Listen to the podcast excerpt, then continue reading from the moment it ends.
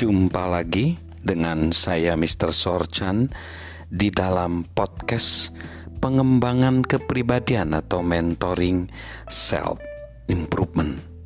Saat ini kita akan belajar tentang satu tema yang berjudul apa yang membuat orang lain mendengarkan kita.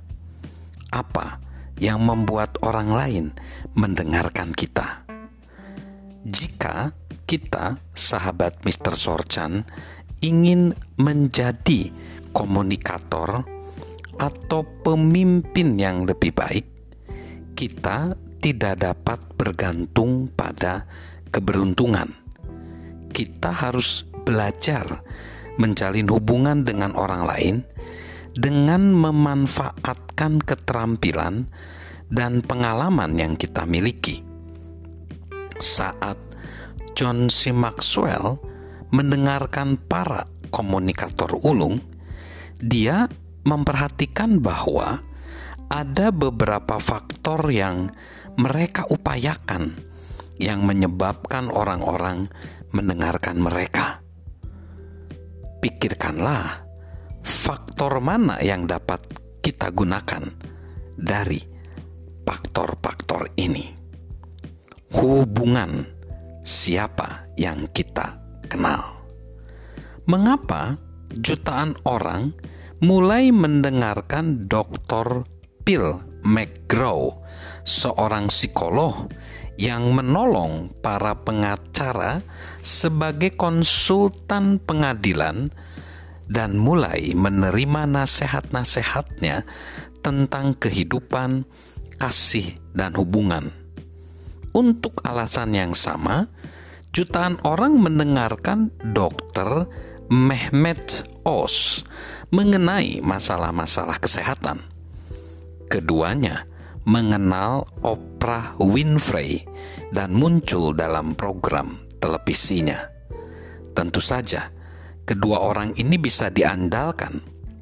McGraw memiliki gelar PhD dalam psikologi dan Oz adalah seorang ahli bedah jantung dan profesor di Columbia University. Tetapi kebanyakan orang tidak tahu atau peduli dengan fakta ini. Segera setelah para pemirsa setia Oprah Winfrey mengetahui bahwa ia, Oprah, mempercayai mereka, kedua ahli ini mendapat kepercayaan dari mereka. Salah satu cara tercepat untuk memperoleh kepercayaan dari seseorang, sekelompok orang, dan sekelompok pendengar adalah meminjamnya dari seseorang yang telah memiliki kepercayaan dari mereka. Itu adalah dasar dari rujukan penjualan dan iklan melalui komunikasi lisan. Siapa yang kita kenal dapat membuka pintu bagi kita untuk menjalin hubungan dengan seseorang. Tentu saja, begitu pintu terbuka, kita masih harus menyampaikannya. Yang selanjutnya, wawasan apa yang kita ketahui. Sebagian besar orang ingin memperbaiki situasi kehidupan mereka.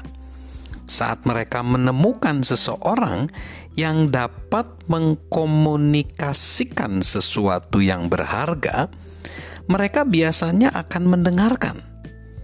Jika apa yang mereka pelajari itu bermanfaat, suatu hubungan yang terjalin di antara mereka sering kali dapat segera berkembang. Salah satu tokoh dalam sejarah Amerika yang John hormati adalah Benjamin Franklin. Ia memiliki karir yang luar biasa dan adalah salah seorang bapak pendiri bangsa yang telah menyumbangkan keberhasilan bagi bangsanya. Franklin hanya memiliki sedikit pendidikan formal. Ia hanya bersekolah selama dua tahun, namun ia sangat dihormati karena pengetahuannya dan wawasannya yang tajam. Seorang kutu buku dan memiliki rasa ingin tahu yang besar. Ia menjadi seorang ahli dalam beberapa bidang, percetakan dan penerbitan, politik, aktivis sipil, ilmu pengetahuan, dan diplomasi.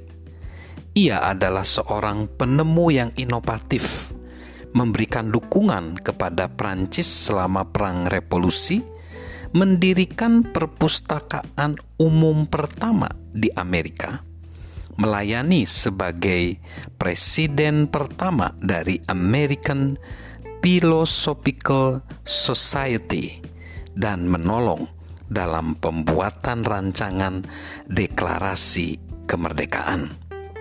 Walter Isaacson menyebut Franklin orang Amerika yang paling sukses pada zamannya. Ia sangat berpengaruh dan orang-orang pada masanya merasakan suatu jalinan hubungan dengannya saat ia membagikan hikmahnya jika kita, sahabat Mr. Sorchan, ahli dalam bidang tertentu, dan dengan murah hati membagikannya kepada orang lain, maka kita memberikan alasan untuk orang lain menghormati kita dan mengembangkan suatu hubungan dengan Anda.